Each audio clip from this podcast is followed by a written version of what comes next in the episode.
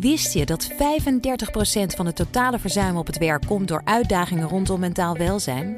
Met de psychologen en lifestyle-experts van OpenUp werken jouw werknemers online via één op één sessies, groepsgesprekken of cursussen aan hun weerbaarheid. Zo zijn jouw teams beter bestand tegen de uitdagingen van het dagelijks leven, thuis en op het werk. Verhoog net als Decathlon, KPN en HelloFresh de weerbaarheid van je werknemers. Ga naar openup.nl/slash bedrijven. Let's open up. BNR Bouwmeesters wordt mede mogelijk gemaakt door Bouwend Nederland. De bouw maakt het. BNR Nieuwsradio. BNR Bouwmeesters. Paul Lasseur. In de laatste tien jaar is een record aantal woningen gebouwd onder NAP.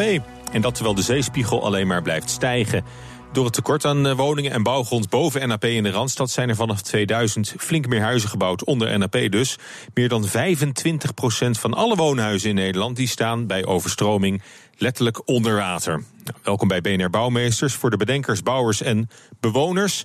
Uh, te gast vandaag in de studio in eh, Den Haag zijn Joost Knoop. Hij is senior wetenschappelijk onderzoeker bij het Planbureau voor de Leefomgeving. En Heike Veldman, Tweede Kamerlid van de VVD. Beide hartelijk welkom. En ik begin, uh, ik begin met een uh, gewetensvraag. Woont u zelf eigenlijk boven of onder NAP? Bent u daarmee uh, op de hoogte? Ik woon in Amersfoort precies op het randje. Nog wel trouwens, want het NAP steeg natuurlijk met de jaren mee. Ik ja? woon uh, zelf in Nijmegen en dat is uh, ruim boven NAP. Ik woon in de binnenstad van Nijmegen en daar uh, hebben we de voeten nog droog. Ja, dus u beiden hoeft zich niet echt acuut zorgen te maken. Dus u, u, bent er wel van, van, van op de hoogte en, en dat is ook wel wat u, wat u met, met andere met vrienden en bekenden het, het, idee heeft dat die, dat die wel op de hoogte zijn of ze onder of boven NAP wonen als ze horen dat ik met waterveiligheid uh, betrokken ben, dan, uh, dan, dan, gaan ze dit soort dingen vragen. Van hoe zit het met mijn eigen veiligheid? Maar dan pas. Nou goed, veel, veel meer erover later in de uitzending. Ja, welke huizen precies onder zeeniveau staan, dat zocht kaartenmaker Esri voor ons uit. En verslaggever Hugo Reitsma die ging kijken bij Esri-directeur Ed van Inge in zijn kantoor in Rotterdam. En dat kantoor ligt ook onder de zeespiegel trouwens. Ja, dat is dieprood. Want op de kaart uh, uh, zie je rode en, en, groene gebieden. En rode gebieden liggen onder het NAP en groene gebieden liggen daarboven. Maar je ziet op de kaart het donkerrood stuk en dat zijn de woningen. Want ja. we hebben de kantoorpanden en de winkels hebben we daar uitgelaten. Uh, en dan zie je dat er inderdaad heel erg veel rood is. Dat geldt ja. sowieso voor de Randstad. Ik zie grappig genoeg nog wel wat groene stukjes. Ja. Dus als de boel overstroomt, dan kan je naar het station... of je moet een beetje ja. uh, naar het westen. Maar Rotterdam, dat ligt laag, hè? Rotterdam, dat ligt over het algemeen heel erg laag. Maar zoals je zelf ook aangeeft, uh, aangeeft... er zijn genoeg gebieden waar je naartoe kan vluchten... op het moment dat het water komt. Maar het ligt laag, absoluut. En dat geldt eigenlijk voor de hele Randstad? Dat geldt eigenlijk voor de hele Randstad. En dat geldt eigenlijk ook wel voor uh, delen van Friesland en Groningen. Ja. We zitten nu een beetje zo uh, heen en weer te, te, zoomen op de kaart. Maar welk, welke data liggen hier nou onder? Uh, dit is een, uh, dat zijn twee datasets die door, door de overheid beschikbaar worden gesteld. Dat is het algemeen hoogtebestand van Nederland. En we gebruiken de, de, de basis, basisregistraties, adressen en gebouwen. En dat leggen we dan op elkaar, over elkaar heen. En uh, door die lagen via de kaart te combineren... heeft ieder pand een hoogte meegekregen op maaiveldniveau. Het niveau van het grondoppervlak. En dan kom je tot dit soort uh, analyses. Ja. Zelf zit ik goed, zie ik, uh, ja. zie ik hier ja, op de kaart. Op, op het zit eilandje bij Amsterdam. Beter dan hier, ja. Maar Hoe, hoe, kunnen mensen die, die, kaart gebruiken? Nou, ze kunnen, de kaart staat inmiddels op de BNR-website. en dan kunnen ze naar de kaart toe. Ze kunnen daar inzoomen. Ze kunnen daar uh, een, een, een, postcode of een woonplaats intikken. En kijken hoe dat uh, bij hunzelf uh, eruit ziet. En of ze veilig zitten ja. of niet. Kijken hoeveel zorgen je moet maken. Ja. En als u nou dus naar de bredere uitkomsten van, van deze... Wat, wat blijkt hieruit? Als u naar die de locatie van die ja. woningen kijkt. Ja, nou, wat, wat, wij, uh, wat opvallend was uit deze geografische analyse van de kaart... is dat uh, van uh, de woningen die, die tussen 2000 en 2010 zijn gebouwd... daar ligt maar liefst een derde onder het NAP. En alle woningen die eigenlijk na de jaren 60 zijn gebouwd... daar ligt maar 25% onder het NAP. Dus we zijn steeds meer onder NAP gaan bouwen? We zijn steeds meer onder NAP gaan bouwen. En dat, dat heeft ermee te maken dat veel Vinex-wijken... veel nieuwbouwlocaties, eigenlijk oude polders zijn, onder NAP liggen. Ja, u hoorde Esri-directeur Ed van Inge in gesprek met verslaggever Hugo Reitsma. Ja, en u hoorde ook als u zelf wilt weten of uw huis bij een dijkdoorbraak onder water komt te staan en hoe ver. Dan kunt u kijken op de kaart bnr.nl slash bouwmeesters. En daar vindt u de kaart die uh, Esri net uh, besprak. Ga ik nu verder met, uh, met mijn gasten. Ja, meneer Knoop van het Planbureau voor de Leefomgeving. Die toename van het bouwen van woningen onder NAP. Hè, we zijn steeds meer onder NAP gaan bouwen. Is dat wel zo'n verstandige ontwikkeling geweest? Uh, dat het antwoord is ja en nee. Nee, in de zin van als het uh, misgaat, dan, uh, dan gaat het heel erg mis. En dan zijn vooral dit soort gebouwen zijn natuurlijk als eerste aan de beurt om onder te lopen met alle gevolgen van dien. Ja, in de zin van uh, we bouwen hier niet voor niets. We verdienen heel veel geld in dat gedeelte van Nederland wat echt onder water kan. 70% van ons bruto nationaal product wordt in het, in het gebied wat heet het overstromingsgevoelige gebied gebouwd. En ja, ook omdat de, of nee, eigenlijk omdat de, de kans dat we ondergaan die is, die is al extreem klein en die wordt in de toekomst alleen maar kleiner. Ondanks dat de zeespiegel gaat stijgen en de rivierafvoeren misschien toenemen. Ja, Heike Veldman van de VVD. Het risico is heel klein natuurlijk. We zijn experts. Maar uh, hadden we niet toch beter wat meer naar het oosten kunnen bouwen? En uw gebied? Nou ja, ik vind het mooie van Nederland dat we de vrijheid hebben om zelf de keuze te maken waar we gaan wonen en waar we gaan werken. Uh, en ja, we zien ja. in de praktijk. Ja, we zien in de praktijk dat heel veel mensen, zeker ook jongeren, naar de steden trekken om daar te gaan studeren, om daar te gaan wonen. Daar vinden ze dan vervolgens ook werk. En het mooie van Nederland is ook dat we uh, met elkaar de zekerheid uh, weten te creëren. Uh, met ons fantastische watermanagement. Dat we de voeten in, ook in die gebieden gewoon droog houden. Ja, dat, dat, dat hoop je maar. Hè. Daar moet je ook maar op kunnen vertrouwen. Nou ja, Nederland staat internationaal bekend om zijn, uh, om zijn watermanagement. Daar lopen we echt in voorop. Volgens mij zijn we ook het enige land wat uh, zeg maar, echt vooruit kijkt. En gewoon meerjarig, volgens mij is het 1,2 miljard per jaar uh, beschikbaar heeft om te werken aan die waterveiligheid. Dus volgens mij mogen we er met elkaar op vertrouwen dat we dat ook op een goede manier doen. Maar de bewustwording dat we een groot deel van Nederland onder de, de zeespiegel hebben liggen, dat is natuurlijk wel belangrijk. Ik ik zei net al, ik woon nu zelf in Nijmegen, maar ik ben geboren in Zoetermeer. Nou, dat ligt echt uh, ver onder de zeespiegel. Ik ben mij als kind nooit bewust geweest van het feit dat de zee iets hoger was uh, dan het huis waar ik met mijn ouders in woonde. En dat is natuurlijk wel belangrijk, dat we met elkaar wel bewust zijn van Um, uh, ja, dat een groot deel van Nederland onder die waterspiegel ligt. En dat we daar dus ook maatregelen op moeten nemen. En die nemen we ook om te zorgen dat we de voeten droog houden. Ja, bewustwording, bewustzijn uh, daarvan is natuurlijk één ding. Maar uh, meneer Knoop, is het niet ook een probleem om het gebied nog voller te bouwen? Want ik denk dat de druk op de grond ook, ook toeneemt. Je hebt ook met bodemverzakking nog te maken misschien. Ja, het is een uh, ander probleem wat uh, we ook maar heel lastig kunnen, uh, kunnen tackelen. Maar het probleem blijft. En ik denk dat we ook uh, verder zullen gaan met het ontwikkelen van die randstad. En ik denk dat het ook niet zo'n uh, probleem is. Mijn gesprekspartner heeft al gezegd dat bewustzijn, dat is vooral de sleutel. Want we hebben wel de vrijheid om overal te gaan wonen. Maar we zijn ons er niet altijd heel erg goed van bewust dat we ook op plekken gaan wonen dat als het misgaat. En zijn eigen minister van Infrastructuur en Milieu roept dat ook voortdurend. Dat, dat we er rekening mee moeten kunnen houden, of houden dat het misgaat. Dan gaat het ook heel, heel erg mis. Misschien en, een bij koophuizen. Uh, dat kan. En er is uh, naast, naast, naast jullie eigen website, de overheid is ook bezig die, uh, die bewustzijn te bevorderen. Heeft ook een eigen een app en een. dus overstroming.nl kun je niet alleen zien of je huis onder water komt, maar nog belangrijker, hoe hoog komt het water. Want het is, of het huis onder water komt, is al niet heel erg prettig. Dat levert vooral veel schade op. Maar of ik het overleef, hangt vooral af van hoe hoog is mijn huis. En we hebben alle berekeningen gedaan aan de stad Utrecht en gekeken van welke verdieping blijft nou boven de, het, het, het, hoogste water. En dan blijkt dat al een groot deel van de inwoners van Utrecht die zitten eigenlijk wel veilig.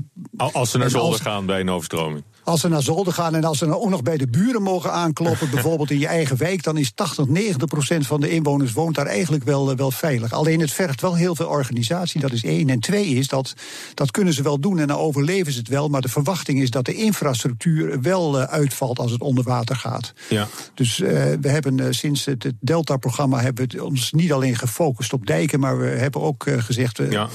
We, we, gaan ook kijken of we de ruimtelijke inrichting kunnen aanpassen. Dat gaan we echt niet doen door alles verhoogd aan te leggen, want dat is veel en veel te duur. Maar, maar wat we wel kunnen maar doen, iets, iets, anders, weten mensen als het water komt wat ze dan moeten doen? Moeten ze dan naar het station vluchten of naar het gemeentehuis of de kerk? Da, zoals dat, vroeger? Dat is, een, dat is een heel ander eh, onderdeel van dit, eh, dit, dit nieuwe beleid. Dat, uh, we hebben rampenbeheersplannen. Die hebben altijd eigenlijk ingezet op mensen het gebied uit. Maar uh, een paar jaar geleden heeft Bas Kolen van HKV, Lijn en Water, heeft, is gepromoveerd uh, op, uh, op evacuatiestrategie. En hij heeft uitgerekend dat als de tijd te kort is, en dan moet je denken in één of twee dagen, dan is een betere strategie om te plekken goed heen komen te zoeken dan, dan te vluchten. Want als je vlucht met z'n allen, dan spring je in een auto, dan kom je in een file en dan sta je in de A12 op een plek waar je echt geen kant op kunt. Daar is niets waar je kunt vluchten. En uh, dan zijn de gevolgen veel erger dan als je gewoon in Rotterdam blijft, waar, hoogbouw, waar heel veel hoogbouw is, en kijkt of je daar een plek kunt vinden. Maar die, die omdraai in strategie, dat, dat klinkt op zich, de, de potentie is groot, maar het vergt natuurlijk heel veel organisatie, ja, inclusief dat, dat mensen moeten weten wat ze moeten doen. En ja, dat is een van de zwakke punten in die strategie. Want als je mensen vraagt, wat doe je als er hoogwater komt, dat, uh, dat hebben mensen wel gevraagd toen wij een rapport daarover hadden uitgebracht. En toen was de eerste reactie, ja, spring ik in de auto, ik weg. En dan stond achter hun... Dat, stond dat is misschien niet verstandig. Daar gaan we straks verder over praten. Want wat moet je eigenlijk doen als het misgaat en je huis dreigt onder te lopen? Dat hoor je straks na de reclame. BNR Nieuwsradio. BNR Bouwmeesters. Meer dan een kwart van de woningen in Nederland ligt onder NAP-niveau en wordt beschermd tegen de zee door onze dijken. Die doen hun werk heel goed, maar sluiten niet alle risico's uit. Is een heel klein risico natuurlijk dat het een keer misgaat. En wat moet je dan doen? Daarover praat ik verder met mijn gasten Joost Knoop. Hij is onderzoeker bij het Planbureau voor de Leefomgeving. En Heike Veldman, Tweede Kamerlid van de VVD. Uh, ja, meneer Knopen, de dijken zijn goed geregeld. Je kunt niet helemaal uitsluiten dat het misgaat. Hoe groot is die kans dat het misgaat? Ja, op dit moment, uh, dat is lastig in te schatten. Want uh, er is een uh, enorme project en de uh, Delftse ingenieurs hebben het aangerekend. En het varieert. Op dit moment zijn, uh, is het zo eens in de duizend jaar is de, de, de, de grootste kans. Maar hier in de Randstad is die veel, veel lager. Want die dijken zijn altijd al sterker gebouwd. En we gaan nu met de nieuwe normen gaan we naar stelsels waarbij de kansen oplopen tot eens in de honderdduizend jaar of eens in de dertigduizend jaar. Dus die, die dijken die gaan. die gaan in het de wel periode, houden, ja. ja, die gaan in de periode tussen nu en 2050 gaat er, wat, wat meneer Veldman al zei, 1,2 miljard per jaar wordt daarin gestopt. Die, die worden no, nog veel sterker dan ze al waren. Ja. Maar al, dus de, mo, mocht het toch misgaan, hè, die hele kleine kans. Het kan ook volgend jaar zijn, hè, dan is het alweer even geleden. Maar hoe erg zitten we dan in de problemen? Ja, de, de, de schattingen voor de gevolgen die, die, die kunnen kolossaal zijn. Hier in de, in de Randstad moet je denken aan schades die in de tientallen miljarden gaan. En slachtoffers dat kan oplopen tot, tot enkele duizenden. Ja, ja meneer Veldman, wat, wat kunnen we daaraan doen? Nou ja, datgene waar we nu mee bezig zijn met het Delta-programma wat er loopt, hè, waarbij we dus meerjarig investeren in het, nog verder verbeteren van die waterveiligheid, zodat we mensen de zekerheid uh, kunnen geven dat ja, die kans inderdaad geminimaliseerd wordt en dat je dus gewoon veilig uh, in je huis en op je werk uh, in de Randstad kunt wonen. Ja, en een deel daarvan is ook de bewustwordingscampagne. wordt daar voldoende aandacht voor gevraagd op dit moment? Nou ja, daar wordt dus nu extra op ingezet om mensen dat uh, zeg maar, meer uh, bewust te laten worden. Wat ik net al zei, ik had als kind geen idee, uh, en heb het over de jaren zeventig, dat ik in Zoetermeer woonde. Ik had als kind geen idee dat ik onder de zeespiegel woonde. Maar het geldt natuurlijk ook op andere plaatsen. Ik woon nu in Nijmegen. Daar is de afgelopen jaren hard gewerkt aan het dijkteruglegging, aan het de rivier de ruimte mm. geven. Want ook als we daar niet zouden ingrijpen, dan zou ook de benedenstad van Nijmegen onder water kunnen lopen. En ik weet als bewoner van Nijmegen dat zeg maar, de gemeente Nijmegen op het moment dat het hoog water is, ook zijn bewoners informeert, zeker als de waterkeringen dichtgaan en de benedenstad in Nijmegen wordt afgesloten, van wat, uh, waarom het gebeurt, wat er aan de hand is en wat mensen moeten doen. Ja, maar goed, als je er toch al belangstelling voor hebt als, uh, als bewoner, dan ga je wel op zoek naar zo'n site. Maar hij komt niet vanzelf bij jou binnen hoor. Nee, dat klopt. En daarom, juist daarom moeten we aan die bewustwording uh, werken. Zodat mensen zich ook weer realiseren dat we in een hartstikke mooi en veilig land wonen. Maar dat we uh, ja, qua water uh, ook een risico hebben. Dat risico is heel erg klein. Dat zegt de heer Knoop ook al. Hè. Dat risico is heel erg klein dat het misgaat. We hebben prachtige innovaties waarbij we ook onze bestaande dijk nog weer verder kunnen versterken. Waarbij er zeg maar, metingen in die dijken zitten om te, kunnen, te kunnen uitmeten van hoe stevig en hoe sterk is die dijk. Dus ons watermanagement hebben we echt op orde. niet dat het ook een exportproduct is. Uh, maar dan nog is het goed dat mensen zich gewoon realiseren van goh, waar woon ik en in wat voor gebied woon ik en wat zijn uh, de eventuele risico's. Ja, ik zag dat er ook een over, of tenminste dat er ook een uh, televisieserie begint hè, dit weekend. De dijken breken, wat dan? is bij de EO. Dus een vrij dramatische serie. Is dat toeval of, of wordt er ook op aangestuurd? Zit er ook. Nou, die ken ik niet, die serie, dus ik ben heel benieuwd. Nee, ik ga hij, moet ook nog beginnen. Ja. Hij, gaat, uh, hij gaat dit weekend uh, uh, centraal. Maar goed, het wordt dus per, per gemeente wordt het bepaald eigenlijk... hoeveel mensen op de hoogte worden gesteld. Of, of wordt het gecentraliseerd? Nou ja, het gaat natuurlijk om algemene bewustwording. En zeg maar, kijk, de enige gemeente of het enige gebied in Nederland heeft natuurlijk meer risico's dan het andere gebied. Elke gemeente die langs de rivier ligt, heeft natuurlijk alweer een hogere kans dan een gemeente die ergens hoog op de zandgronden ligt. Dus natuurlijk zitten daar verschillen in in Nederland. Maar het gaat uh, zeker uh, in de gebieden die onder de zeespiegel liggen, natuurlijk om algemene bewustwording van goh.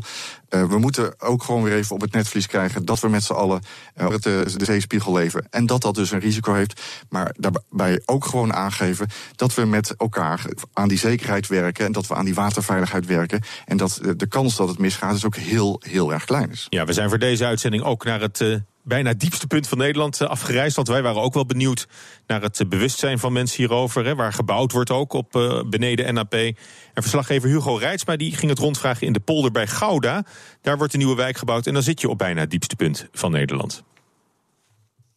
Weet u hoe diep het daar is, meneer? Ongeveer 2,50 onder NAP. Oh, u weet het heel precies. Ongeveer. Ja. Het is wel diep uh, als het een keer misgaat. Het is uh, heel diep, maar het gaat niet mis. Want uh, er zijn allerlei voorzieningen getroffen om wateroverlast op te vangen. Is goed over nagedacht? Daar is heel goed over nagedacht. En mijn dochter gaat er wonen. Die gaat, oh ja? is, is, is, daar aan het bouwen. Oké, okay, dus ja. daarom heeft u het even goed uitgezocht? Ja, dat ja. hebben we goed uitgezocht. We zitten hier een paar kilometer hier vandaan. Is het 6,70 meter onder NAP. Dus, en ja, buiten dat, dat het zo laag ligt daar kunnen we er eigenlijk wel tegen wapenen. Maar uh, de vogels en toestanden die hier allemaal zijn, het mooie van de natuur gaat ook weg. Ja. En uh, ik ben daar veel tegenstander van. Maar ja, je verliest het op een gegeven moment toch van het kapitaal. Dus zo, ja. zo gaat het vaak. Mooie oude polderlandschap. Mooie oude polderlandschap. En dit eigenlijk hier niet alleen. Want als je straks over tien jaar van Rotterdam naar Utrecht rijdt... dan is het een lange winkelstraat. Met ja. allemaal grote gebouwen, noem alles maar op. Dus in die zin, nee, vind jammer. Maar over 100 jaar of over 150 jaar met de klimaatverandering kan uh, Amersfoort wel aan zee komen te liggen. Ja, dan moeten we allemaal die kant op. Dan gaan we allemaal die kant op. Ja. Ruimte genoeg. Nou ja, mensen lijken wel redelijk uh, op de hoogte, hè? bewust van, uh, van hoe laag ze zitten. In ieder geval bij Gouda in de polder. Maar even over bouwen, hè? want daar verrijst dan een, een, nieuwe, een nieuwe wijk. Um, ik denk dat we ook met, met, de bouwplannen rekening moeten houden met, met misschien wel eens hoog water. Dat niet ook alle elektra onderloopt, bijvoorbeeld. Ja, dat, dat, dat zijn nou juist de, de, de, de manieren om het, uh, om het inderdaad beter te maken. Dat je per, per project, en of het nou nieuwbouw of herstructurering is, kijkt wat kan ik doen om toch, als het misgaat, om de gevolgen te beperken. En inderdaad, uh, voorbeelden zijn dat je elektra niet in, uh, in de kelder, maar op zolder, op zolder plaatst. Uh, kleine dingen. Echt, echt ophogen en op andere plekken bouwen wordt vaak lastig. Maar kijk gewoon wat je, wat je kunt doen. Want er zijn echt wel het, het nodige dingen te doen. En er zijn voorbeelden van polders als dit, waar de waterdiepte enorm is. Maar er zijn ook heel veel voorbeelden van, daar gaat het wel onder, maar dan valt die waterdiepte eigenlijk nog wel mee. En dan heb je wat meer mogelijkheden. Dus het verschilt heel erg van locatie tot locatie. Ja, maar een, een, begin zou kunnen zijn om bij nieuwbouw alvast rekening te houden met de kleine kans dat er wel eens wateroverlast is. En dat je dan de elektra maar vast op zolder hebt. Dan heb je in ieder geval wifi als de, als de kelder onderloopt. Ja, absoluut. En dat geldt ook voor, want dat is een, een wat onderbelicht onderdeel voor de, de, de infrastructuur zelf. De, de centrales, de verdeelstationen. Want daar is eigenlijk ook nooit goed over nagedacht van wat gebeurt er nou als dat ondergaat. En daar valt ook heel veel te halen. Dat je op die manier kunt zorgen dat de voorzieningen langer in stand blijven. Ja, en, en meneer Veldman, uh, veel bouwprojecten die gaan toch op, uh, op prijs, hè, worden, die, uh, worden die ingeschreven. worden niet duurder als we ook, ook rekening gaan houden met, met die hele kleine kans dat, er wel eens, dat het wel eens misgaat met het water?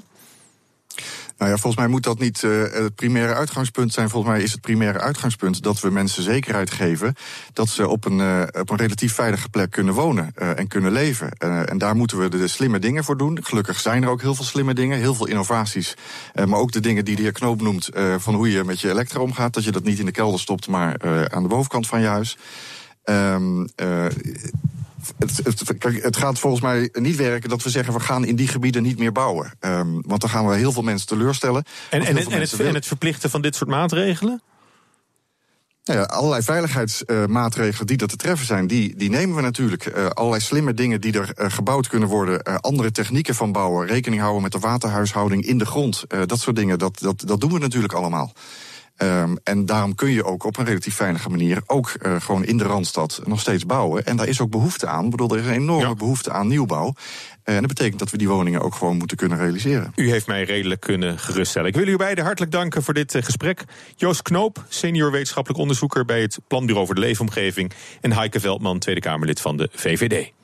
Kopen of huren? Hoe herken ik een betrouwbare makelaar? Waar vind ik een goede klusjesman? Weet je wat? Ik vraag het Fred. Ja, in deze rubriek beantwoorden we altijd een bouwvraag van de luisteraar. Met deze week de vraag: Ik woon in een monument. Wat zijn voor mij de gevolgen als straks wellicht de aftrekregeling voor het verbouwen van mijn huis wegvalt? Nou, Fred, vertel. Ja, eigenaren van een eh, monument die kunnen nu nog de kosten van het onderhoud van hun monument aftrekken van hun aangifte van de inkomstenbelasting. Die aftrek eh, bedraagt 80% van de daadwerkelijk in een jaar bepaalde kosten van de onderhoud. Nou, dat is eh, behoorlijk wat dus. Vanaf 2017 kan je alleen nog maar subsidie krijgen voor het hoogst noodzakelijke onderhoud. Dus echt, als de dakpannen eraf vallen, dan mhm. mag je het vergoeden, zeg maar. En dan ook nog maar eens 25% van die kosten. Dus dan ga je wel. Dat is, dat is een plan, hè? Dat is een plan ja. ja. Dus nou, dan ga je wel behoorlijk uh, op achteruit. Dus die, uh, die kosten zullen dan uh, gaan stijgen voor mensen. En de staatssecretaris Wiebes wil dit doen om fraude te voorkomen. Want hij vindt dat er te vaak nog misbruik wordt gemaakt van deze regeling. En mensen een hele mooie nieuwe keuken aangeven als verbouwing. En die dus eigenlijk betalen van, de belasting, van het geld van de belastingbetaler. Oké, oh, dus dat, dat is ook wel echt een probleem bij, bij monumenten. Ja, dat is zijn, zijn argument. Daar zijn natuurlijk eh, mensen het helemaal niet mee eens. Um, maar goed, mocht je nou uh, wel al die verbouwingsplannen hebben, uh, vastgelegd, je hebt contract al vastgelegd voor 2017, dan is er wel nog een overgangsregeling. En dan moet je dat aangeven tussen 1 januari 2017 en 1 maart. En dan kan je in een subsidie nog 40% terugkrijgen. Dus mocht je dat hebben gedaan, moet je dat vooral doen. Oh, dus als je plannen hebt en je woont in een monument, dan ja, is het misschien handig om, om, om ze naar voren te halen en, en niet snel. Dat, dat, dat sowieso. Het is nog niet helemaal zeker. Uh, er wordt nog heel veel tegen gestreden. De oppositie eh, wil er echt alles aan doen om dit tegen te houden. D66 noemt het zelfs een, een ordinaire maatregel. Nou, pas dan maar op. Pas dan maar op, ja, ja, ja. En ik heb uh, contact gehad met Peter Siebinga van het Restauratiefonds, die hier ook mee bezighouden. En die zei van, uh, ik begrijp de argumenten van de staatssecretaris, maar ze moeten gewoon een beter alternatief bieden die fraudebestendiger is. En want nu lijkt het gewoon ja, eigenlijk wel een beetje op een kleine bezuinigingsmaatregel. En daar wordt natuurlijk niemand blij van met een monument. Maar goed, maar, eigenlijk is, is de bottom line ja, het zeker voor het eh, onzekere zeker nemen. Voor het onzekere nemen. En uh, plan, plan nog dit jaar die verbouwing. Snel verbouwen als u in een monument wordt. Dankjewel Fred. En tot zover deze uitzending van BNR Bouwmeesters. Op bnr.nl slash bouwmeesters is deze uitzending terug te luisteren. We zijn ook op Twitter. Heeft u tips of een vraag aan Fred? Mail het ons, uh, twitter het ons, BNR Bouw... of mail uw suggestie naar bouwmeesters.bnr.nl. En kijkt u ook nog even naar de kaart van Esri... of u droge voeten houdt bij een overstroming. Hartelijk dank voor het luisteren. BNR Bouwmeesters wordt mede mogelijk gemaakt door Bouwend Nederland. De bouw maakt Wist je dat 35% van het totale verzuim op het werk komt door uitdagingen rondom mentaal welzijn? Met de psychologen en lifestyle-experts van OpenUp werken jouw werknemers online via één op één sessies, groepsgesprekken of cursussen aan hun weerbaarheid. Zo zijn jouw teams beter bestand tegen de uitdagingen van het dagelijks leven, thuis en op het werk. Verhoog net als Decathlon, KPN en HelloFresh de weerbaarheid van je werknemers. Ga naar openup.nl/slash bedrijven. Let's open up!